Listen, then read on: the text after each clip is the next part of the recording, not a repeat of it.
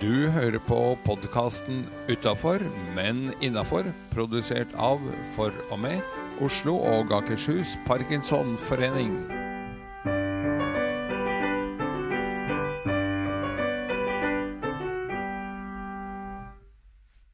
Jeg heter Selin, og ved min side så har jeg Edgar, Hei! hei! Hvordan går det? Du, det går eh, veldig bra. Fordi vi er jo i gang med en ny podkastrunde for eh, høsten. Med en del eh, nye innslag. Hva skal denne episoden bestå av, da? Du, den eh, består av uh, Første nye innslag er en bra start på dagen. Det er noe jeg har funnet på. Og så har jeg funnet på at vi skal ha litt minifakta om parkinson. Og så har vi som vanlig ukens gjest. Hvem er disse ukens gjest denne gangen? Denne gangen er det trommevirvel sexolog Siv Gammenes. Det er fantastisk. Det gleder jeg meg til. Ja, for dette er også nytt i høst at vi setter litt mer fokus på hjelpeapparatet for parkinsonistene. Og så har vi de faste postene, som er kunngjøringer, hvor det jo faktisk nå skjer masse rundt om i lokalforeningene våre. Og quizen. Og til slutt et Mysja-tips å ta med seg inn i neste uke. Det høres lovende ut. Så skal vi gå rett på, da. Da går vi rett på. Brrr, en bra start på dagen. Ka-ching! Og hva er det? Du, det er det at uh, i dag rakk jeg innom postkontoret i Nydalen på vei hit. Og der lå det nemlig en ny trøye og ventet på meg fra noe som heter Northern Playground. Og vet du hva som står bak i nakken på den eh, trøyen? Nei. Der står det at uh, denne har ingen utløpsdato, for den skal vare livet ut. Og hvis det skjer noe med den, så reparerer jeg den. Eller hvis jeg selv ikke vil, så kan jeg sende den tilbake til Northern Playground, som reparerer trøyen for meg. Fantastisk. Veldig bra konsept. Men hva er det som gjør at det er en bra start på dagen for deg? Hvis du nå skal si noe til de lytterne hjemme, at eh, hva kan du gjøre for at en bra start på dagen? Det er jo ikke alle som har en pakke på posten.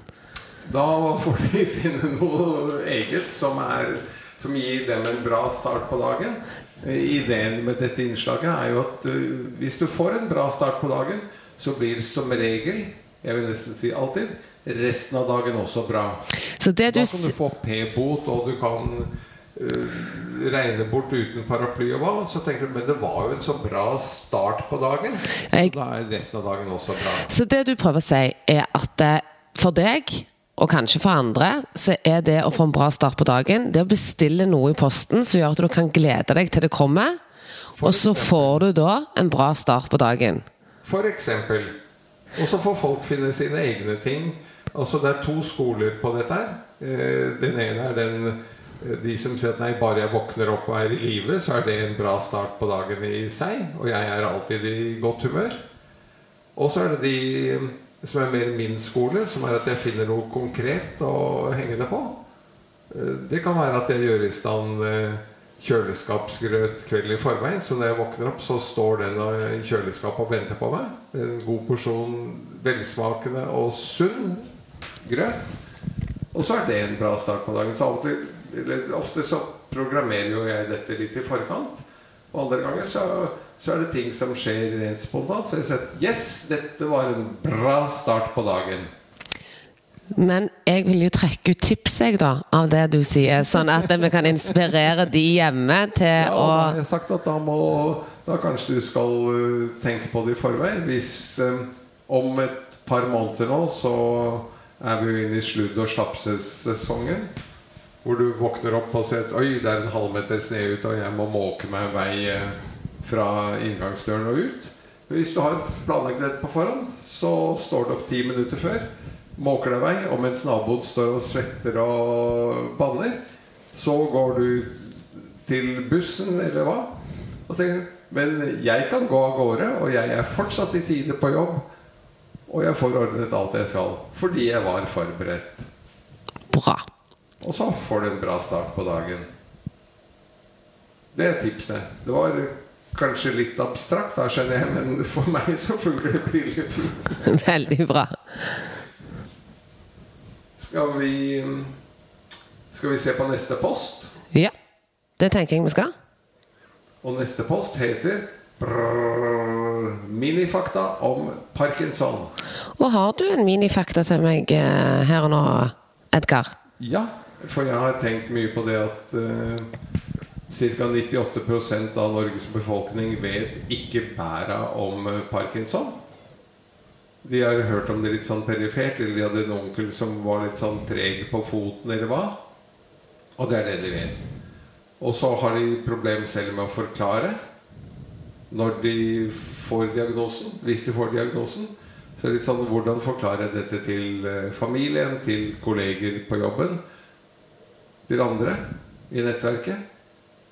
Og eh, første tips eh, ut, mine fakta, er jo to ting, faktisk. Det ene er at dette er en kronisk sykdom. Så du blir ikke frisk av den.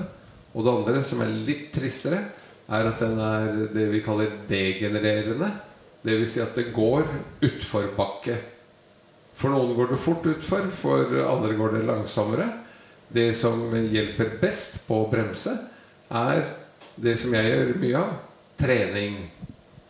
Og der har jo vi vært innom det gjentatte ganger. Du har jo også vært flink til å fremme hverdagstrimmen. Ta trapp istedenfor heisen. Ta handleposene fra butikken og gjør tre utfall på vei mot utgangsdøren. Benytt de sjansene som er i hverdagen til å trene. Og legg gjerne på litt uh, konkret trening. Vi har jo en god del uh, forskjellige idrettsgrupper i uh, Parkinson Oslo og Akershus. Vi har både noen fotballgrupper, vi har boksingen, ikke minst. Og så har vi jo litt trening på mandags- og onsdagsklubben, hvor du er med begge steder og trener folk på grunnleggende øvelser. Og det er det som bremser. Men ellers så er dette altså en sykdom som går utforbakke. Så det er litt malplassert når folk sier ja, du får ha god bedring, da. Og så sier jeg det blir det helt sikkert ikke. Jeg klarer faktisk enda å av, le av det når folk sier god bedring. Fordi det er det ikke. Og det er kanskje det viktigste man skal vite om denne sykdommen. Og så er det jo sånn at de menneskene som sier god bedring, de er uopplyste. Så vi må egentlig bare tenke tror jeg da, være litt rause med de tilbake og tenke at det er ren uvitenhet de sier det. Og, og, det er jo faktisk godt ment. Og det er godt ment. På alle måter. Men ei som kan litt om parkinson, det er sexolog Siv. Det er sexolog Siv. Ukens gjest, rett og slett. Så da kan vi ringe opp Siv og høre hva hun kan fortelle og dele med oss i dag. Det er altså, som jeg sa kort, at vi i høst vil ha folk fra hjelpeapparatet. Fysioterapeuter, logopeder som deg selv, ergoterapeuter med mere. Som ukens gjest, som forteller hvorfor deres fagområde er viktig. Og hvordan det spiller inn på en positiv måte. Og helt riktig, sexolog Siv Gammenes er første kvinne ut. Da ringer vi henne opp.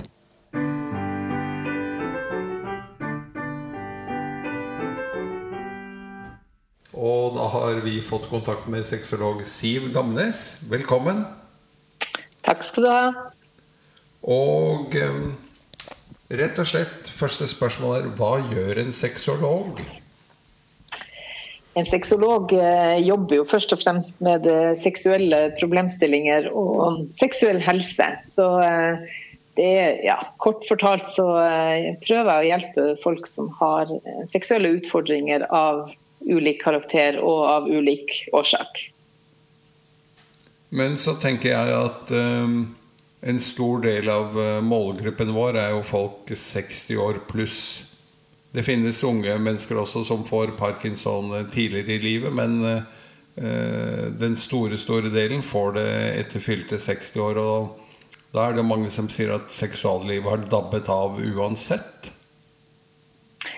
Ja, dessverre så er det jo mange som eh, tenker sånn eller, eller, sier det. Men det er jo egentlig ingen grunn til at det skal skje hvis man ikke rett og slett bare ønsker at det skal opphøre. Seksualiteten er jo noe man er født med og som man har med seg fra, fra fødsel og til man dør, rett og slett. Så jeg tenker jo at i utgangspunktet, hvis man ønsker å ivareta et seksualliv, så er det egentlig ingen grunn til å å droppe det. Eh, selv ikke med utfordringer som eh, f.eks. da parkinson vil være. For, for, for, mange, i hvert fall. Men når du sier at eh, vi har seksualitet hele livet, så vil mange sagt ja, men en mister jo potensen. Da er det, da er det jo over. Mm. Altså, potensen er altså, For det første så tenker jeg at seksualitet er veldig mye mer enn en erigert penis. Eh, så, så, det er jo også noe å tenke på. Eh, liksom, hva er egentlig sex for meg, og hva er sex for deg? Altså At man på en måte kan finne andre måter å, eh, å vise eller ut, utøve sin seksualitet på. Men det finnes jo også gode hjelpemidler for potens hvis man får et problem med, med den. Um, og ofte så er det jo en grunn altså I utgangspunktet så, så, kan jo en potens eh, vare livet ut for en mann, eh, men så kan man da av ulike årsaker, som sykdommer, um, da få problemer med potensen på et eller annet tidspunkt. Men som sagt, det finnes da ofte hjelpemidler man kan ta i bruk. Men har du, når de som henvender seg til deg, eh, hva er det som er bestillings... Har du liksom sånn topp tre hovedbestillinger, eller er det veldig varierende? Det er veldig variert, og selv for dem som har parkinson, som jeg har jobba med, eh, som er faktisk ganske mange par etter hvert, eh, så er, er, det forskjellige utfordringer de sliter med. Men veldig ofte så, så har seksualiteten på et eller annet tidspunkt blitt en utfordring for, eh, for den ene eller begge i parforholdet. Og så blir løsninga på en måte å bare trekke seg bort fra det. Og så kommer de hit eh, fordi at de eh, skjønner at vi, vi, har jo ikke sex lenger. Og sex er jo for mange det som limer parforholdet sammen. Og hvis man da slutter å ha sex, så er liksom egentlig strengt tatt parforholdet over i, i deres uh, hode. Så, så, det er jo et jeg, Topp én er vel egentlig det at, at, man har beveget seg bort fra hverandre. Men så kan det være utfordringer som stillinger. altså Mange sliter jo i forhold til det å ikke kunne bruke de, sine vante stillinger, sitt vante mønster lenger, fordi at de Eh, pga. parkinson har utfordringer med det. Eh, og Da er det jo liksom å finne andre måter man kan utøve sin eh, seksualitet på og likevel få glede av det. Um, og så er det jo noen som har problemer i forhold til ereksjon, og da er det jo eventuelt å få hjelp med det. Hva kan på en måte være løsninga der? Ja, så, så, jeg tenker sånn Lystproblemet er vel egentlig sånn Og lystproblemet trenger ikke bety at de ikke har lyst, men de øh, har beveget seg fra hverandre og får ikke lenger snakka sammen om, om sitt, øh, sin seksualitet. Og går på en måte bare litt sånn hver for seg og sliter i forhold til det at det ikke er sex lenger. Nå føler jeg at dette ble litt mannsfokusert. Hvem øh, er det som henvender seg til deg i første omgang? Er det mannen eller kvinnen? I forholdet? Det, altså, det, var ikke meninga at det skulle bli mannsfokusert, men en kvinne har jo mindre utfordringer fordi hun er ikke avhengig av en erigert penis for å, å fungere seksuelt. Um, så Derfor så, så, vil jo en erigert uh, problemet med en potens være mer synlig og mer uh, inngripen i, i seksualiteten enn om en kvinne har parkinson. Um, men eh, det kan være begge. altså Det trenger ikke være den som har parkinson som tar kontakt. Det kan være partner som tar kontakt fordi at sexlivet har blitt uh, omtrent borte, eller at det seksuelle er en så stor utfordring at de sliter. Så ja. Men når du, jeg tenker det du sier med at en trekker seg fra hverandre, at en eh, tenker at det er over. Det gjelder jo kanskje alle par, det trenger ikke ha en sykdom. Hva er tipset ditt eller rådet ditt til at eh, i en sånn situasjon der du plutselig slutter å være taktilt intim eller intime generelt? Mm. Jeg tenker jo at eh, det å, å, snakke sammen, altså det er vel standardsvaret til oss eh, sexologer er å snakke sammen. Altså Fortell at du opplever det som et problem. Og gjør det gjerne når du begynner å føle på problemet, og ikke vent til problemet er så stort at det føles helt uoverkommelig. Eh, for det er veldig mye man kan gjøre og som jeg kan hjelpe folk med. Og kanskje lettere på et tidlig tidspunkt i forløpet enn når en måte ting har gått helt i, i stå. Så, og det er helt riktig som du sier, er noe, det er jo ikke noe man trenger å ha parkinson for å oppleve. Det her kan jo hvem som helst oppleve. At man går inn i et parforhold. Man skaper ganske fort et mønster eh, som man har seks eh, på en spesiell måte. Man følger på en måte et skript som man lager seg, helt ubevisst, men det skjer med de fleste.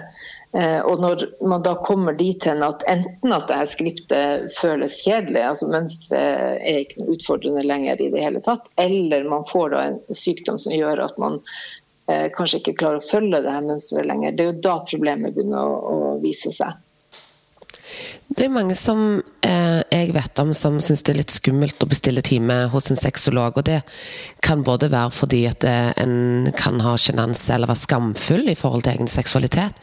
Men noen ganger er det bare fordi en ikke vet hvordan det hva foregår i en session, i en time.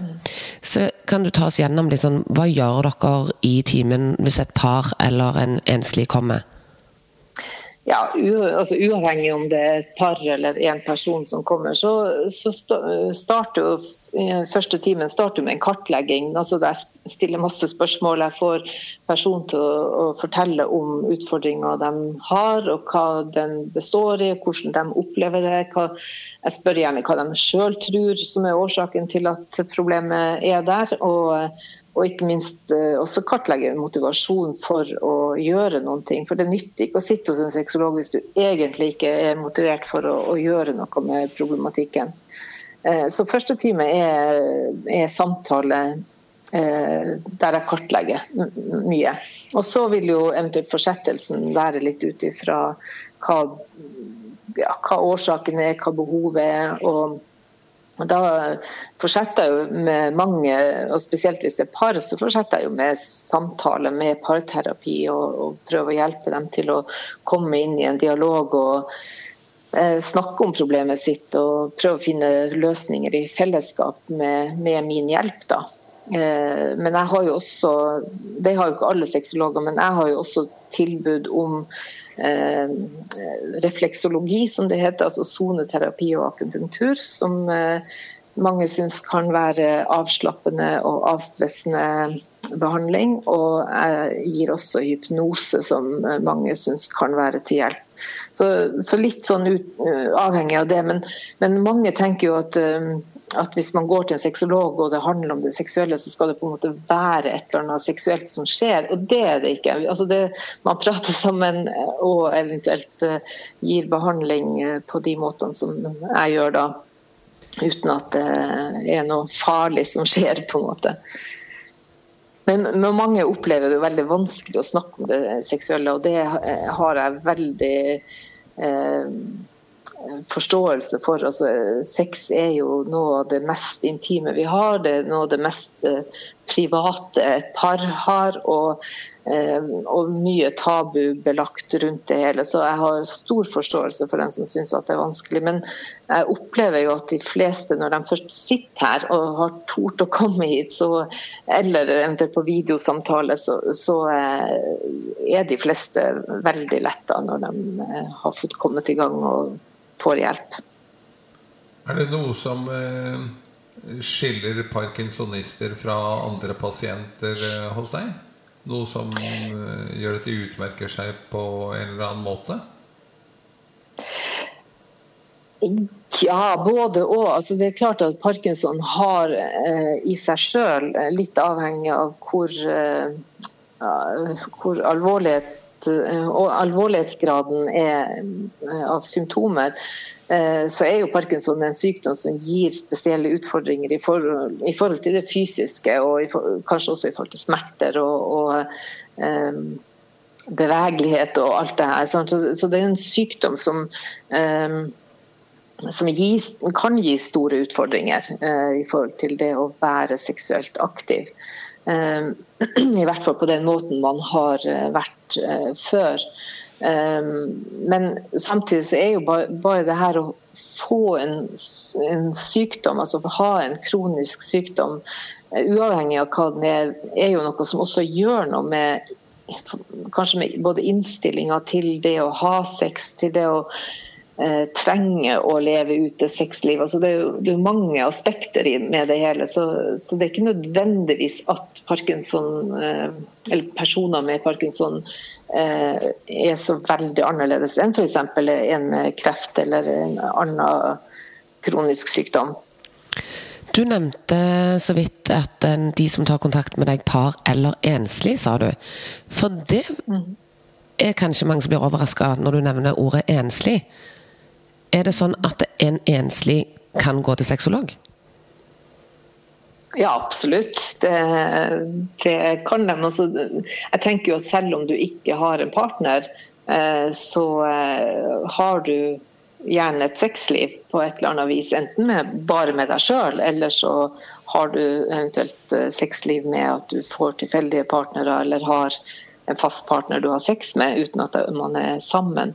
Så ja, absolutt. Det, man trenger ikke å være eh, to nødvendigvis for å, å, ha sex og for å ha problemer. Det er klart at en som eh, har, eh, er vant til eller har hatt Eh, god sex med seg sjøl, eh, altså onanere og så få problemer i forhold til det, så, så er det klart at det også skaper utfordringer. og Bare det å få vite om det finnes hjelpemidler eh, som kan tas i bruk, er jo til god hjelp.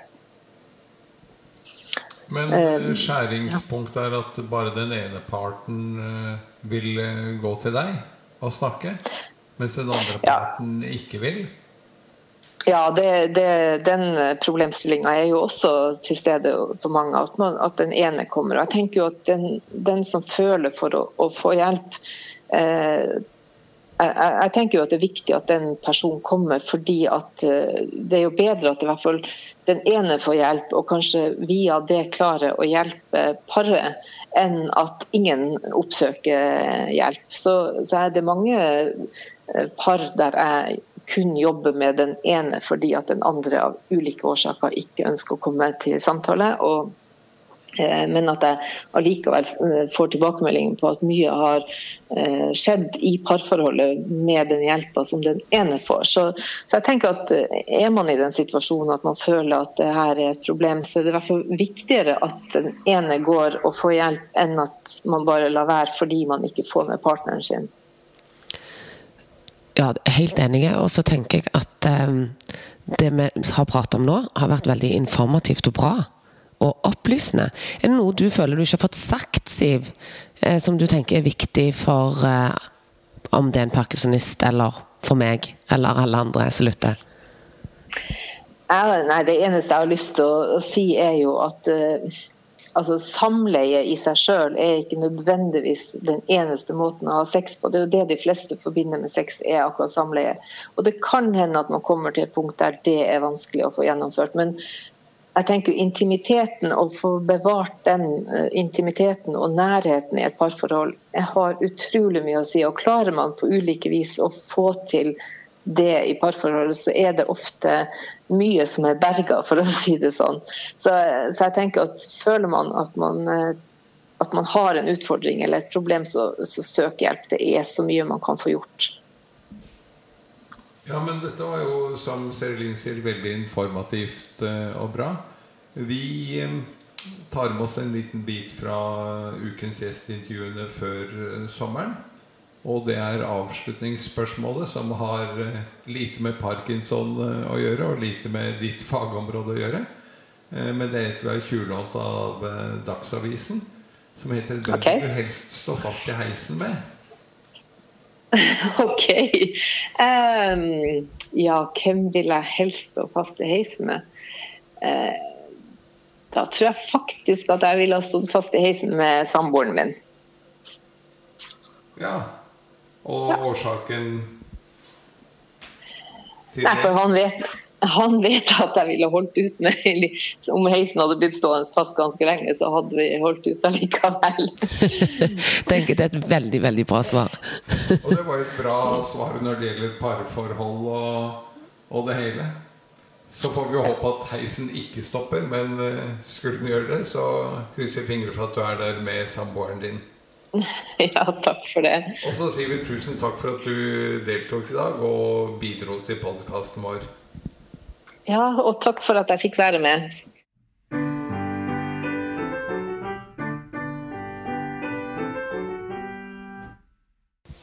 Da har vi kommet til eh, punktet kunngjøringer, og det er gledelig, for nå etter at eh, det meste av restriksjoner er lettet, så skjer det ting rundt om i en lang rekke lokalforeninger. Og ikke minst, Serilin, hva er det som skjer fast hver mandag og hver onsdag? Nei, Nå er jo Mandagsklubben tilbake igjen både på Zoom, hvis, eh, for de som ikke vil møte opp IRL, som vi sier det, in real life, eh, på Oppsal eh, samfunnshus. Så der er det da fullt opplegg, både sosialt og med trening av Bernt, fysioterapi, og meg, logoped. Sammen med quiz og lunsj og kos.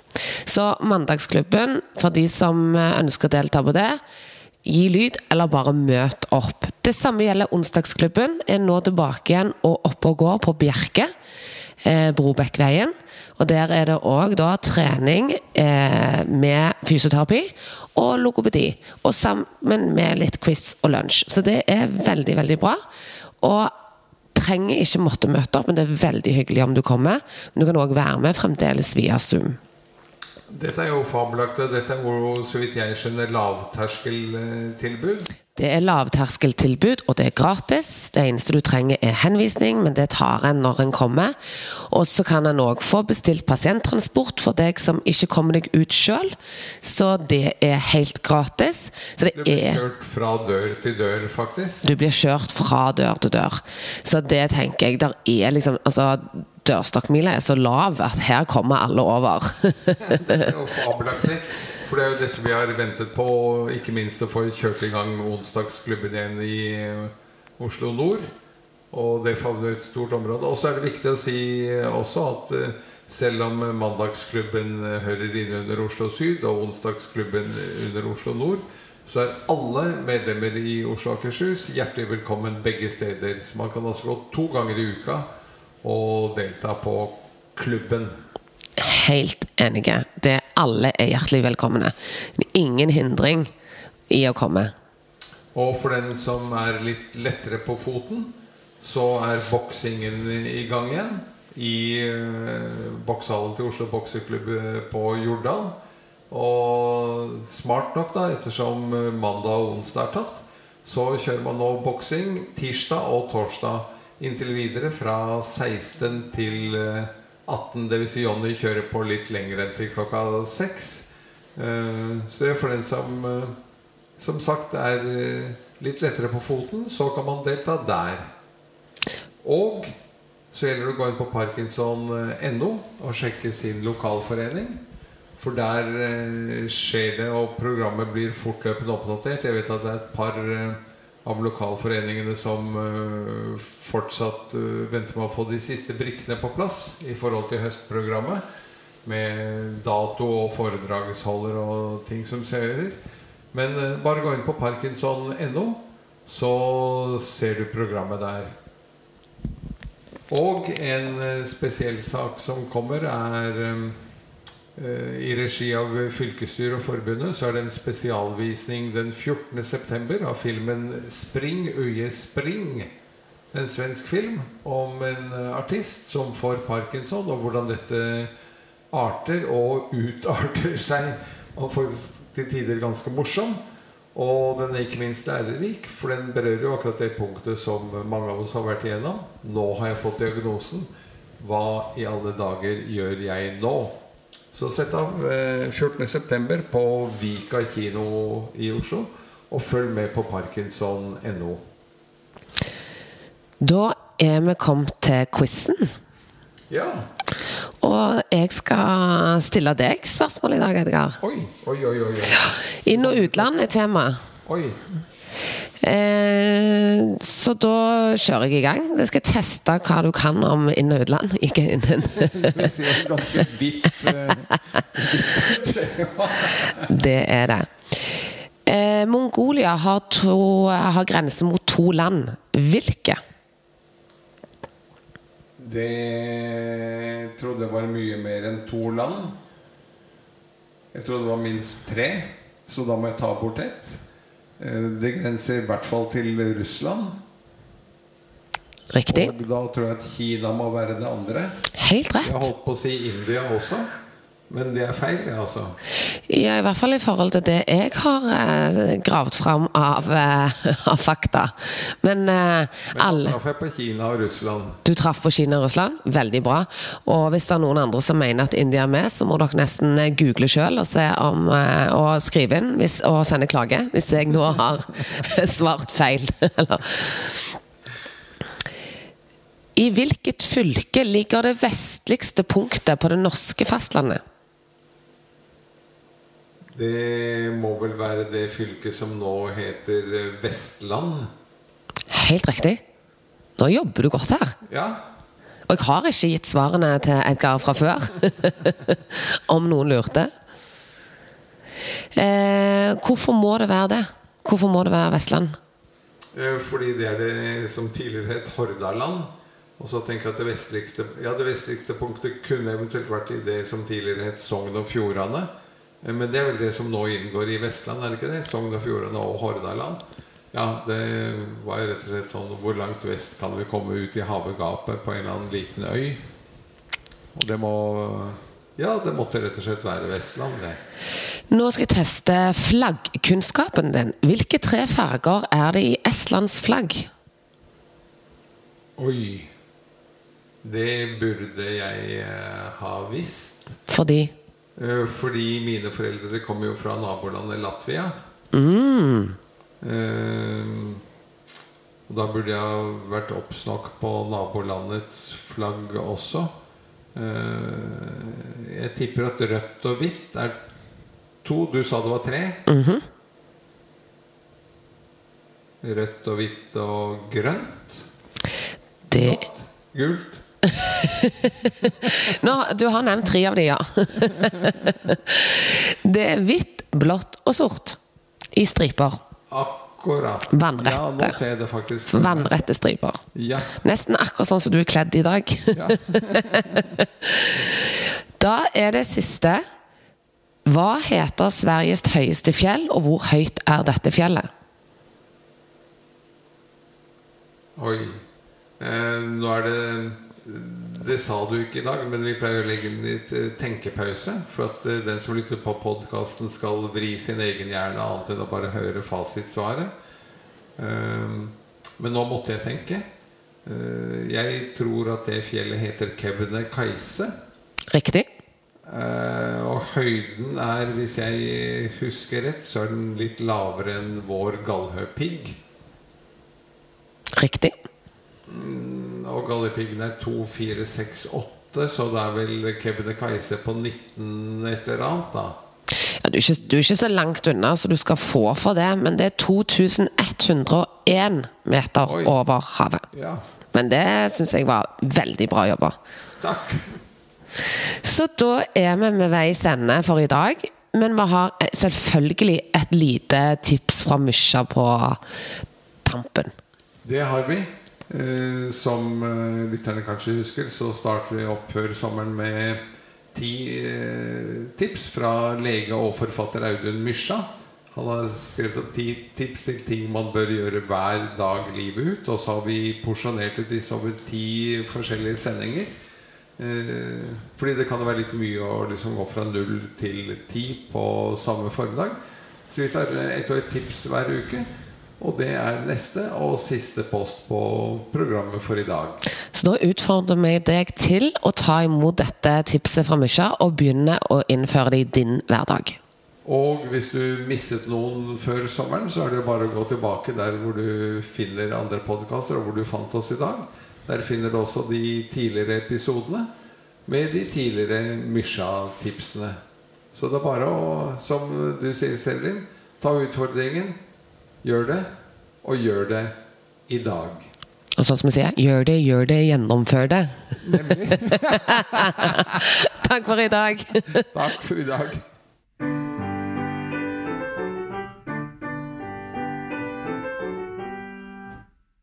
Da er vi kommet til det ukentlige Misha-tipset. Nummer fire i rekken av ti. Som er hentet fra boken 'Ungdomskilden'. Og kapitlet heter egentlig 'Ti ting du bør gjøre hver dag'. Vi tar det litt saktere og bygger opp uke for uke. Eh, Så det er ett eh, tips eh, hver uke. Og så er det opp til deg som hører på, å lime disse sammen til listen på ti igjen. Jeg skal repetere underveis. Vi har vært gjennom én lære noe nytt. Punkt to puste skikkelig. Tre stå på ett ben. Og denne uken er vi kommet til nummer fire. Få opp pulsen i 20 sekunder hver dag. Hva tenker du på da, Audun? Det jeg tenker på er at eh, i musklene våre, de store musklene, så har vi to hovedtyper fibre. Det er de langsomme og de raske.